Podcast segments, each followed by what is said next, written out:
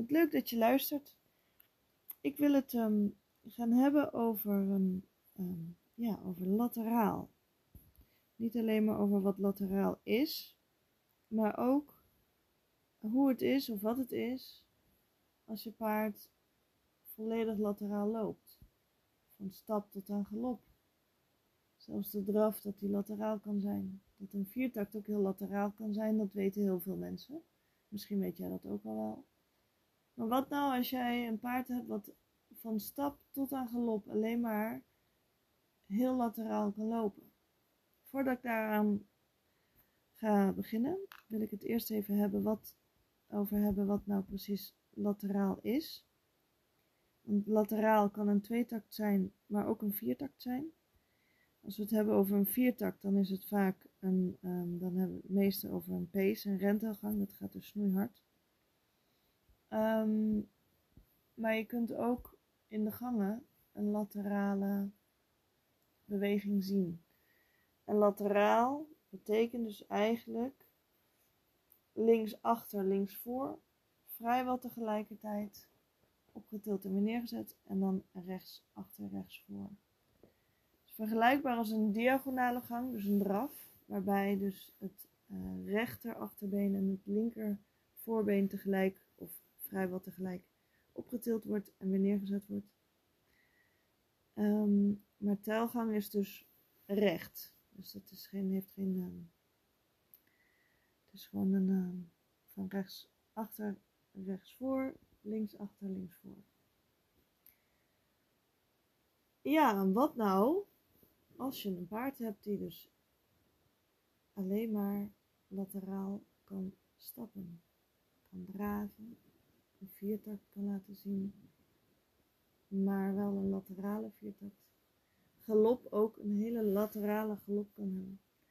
Ik ga um, nog in, een, in andere afleveringen um, uitleggen wat precies wat ik bedoel met een laterale viertakt en een laterale galop. Um, dus die kan je binnenkort even op gaan zoeken. Maar ja, er zijn best wel wat paarden die um, nou ja, nog wel lateraal zijn. Dus niet alleen in één gang, maar in alle gangen.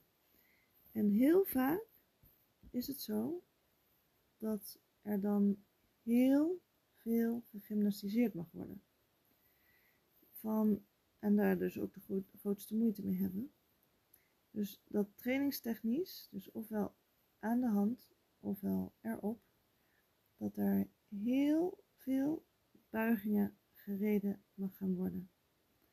Of uh, niet gereden per se als je ernaast loopt natuurlijk. Dat, ik hoop dat je dat begrijpt.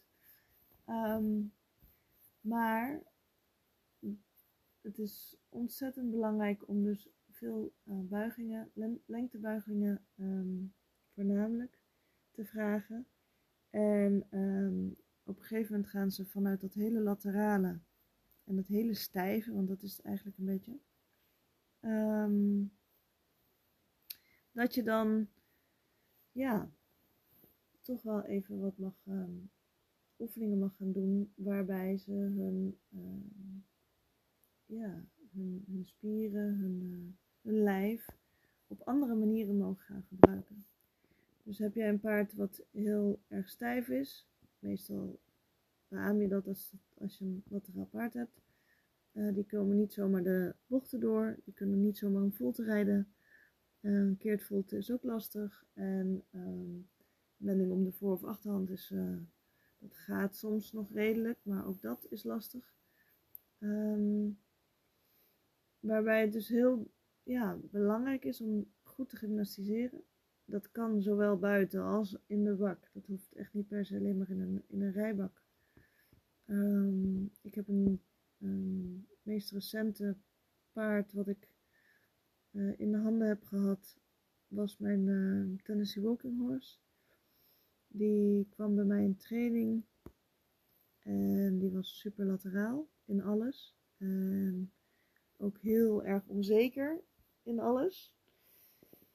En die bleek een um, hypermobiliteit te hebben en had zich daardoor ontzettend vastgezet, waarschijnlijk. Tenminste, dat is mijn redenering even. Ehm, het is wel heel belangrijk dat als je dus een paard hebt wat super stijf en lateraal is, even goed, maar dan ook echt goed na te laten kijken. Misschien wel meerdere behandelingen nodig heeft van bijvoorbeeld een osteopaat, chiropractor of iets dergelijks. Ehm, om eventuele blokkades weg te werken, um, los te maken. En om dat ook allemaal even uit te sluiten voordat je met de training echt gaat beginnen. Uh, eventueel tandarts zou ook nog kunnen helpen. Nou ja, van A tot Z even na laten lopen. Um, doe je dat al en heb je toch een heel lateraal paard, dan mag je trainingstechnisch gaan, uh, gaan denken. Grondwerken, heel veel buigingen gaan vragen. Um, en dat elke keer zou ik in kleine stukjes doen. Even wat buiging en weer recht. Even wat buiging en weer rechtuit.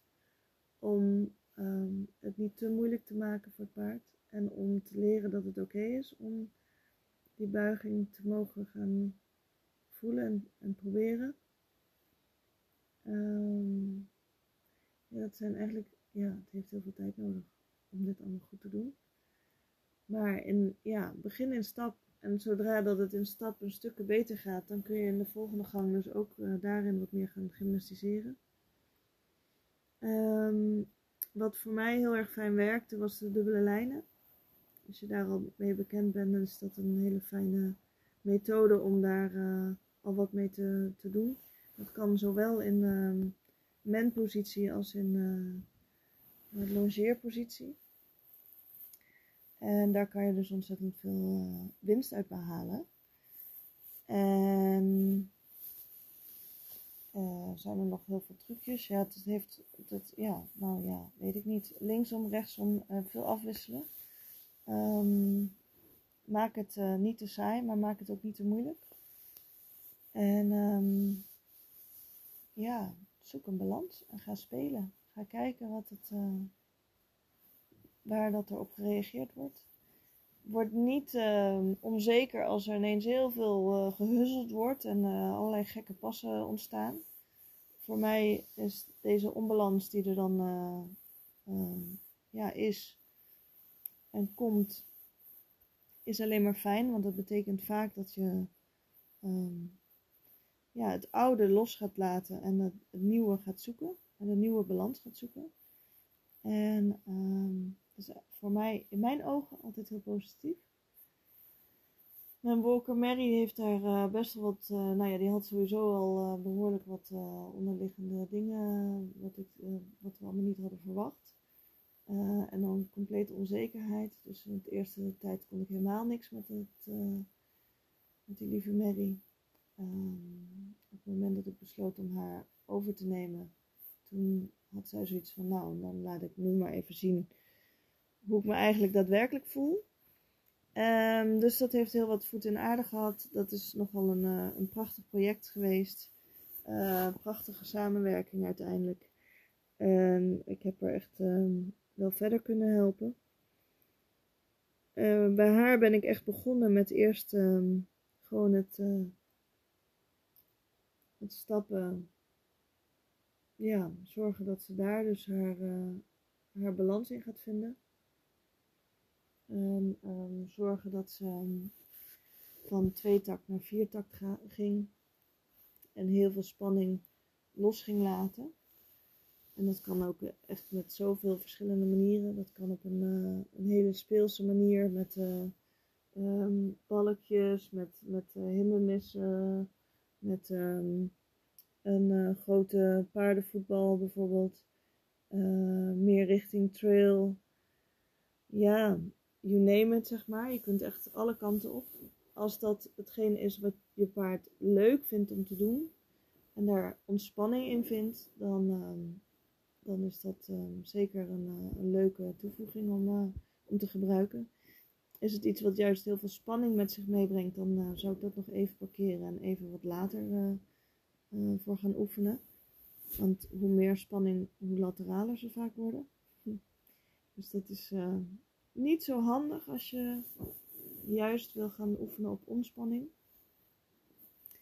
En um, ja, zo langzaam en stap voor stap steeds iets verder uit gaan werken en uit gaan breiden. En ehm, heel veel tijd nemen om dit goed te doen. En daarbij, mijn advies is vaak ook wel, kijk, je kunt een hoop zelf doen, maar onder begeleiding kun je een hoop meer. En kom je toch ehm, met beter, ja, nou ja, misschien niet beter, maar met de juiste stappen. En um, uh, ja, dat zijn wel dingen die ik dan wel zou adviseren om daar wel even hulp bij te vragen. En um, ja, verder zou ik zeggen heel veel plezier en veel succes als jij uh, dit uh, aan mag gaan. En nou ja, daarnaast hoop ik dat ik je heb kunnen inspireren. Uh, misschien resoneert het wel heel erg met jouw eigen paard. Uh, ik vind het heel leuk om dat ehm, terug te horen. En voor de rest wens ik je een hele fijne dag of nacht. Tot de volgende.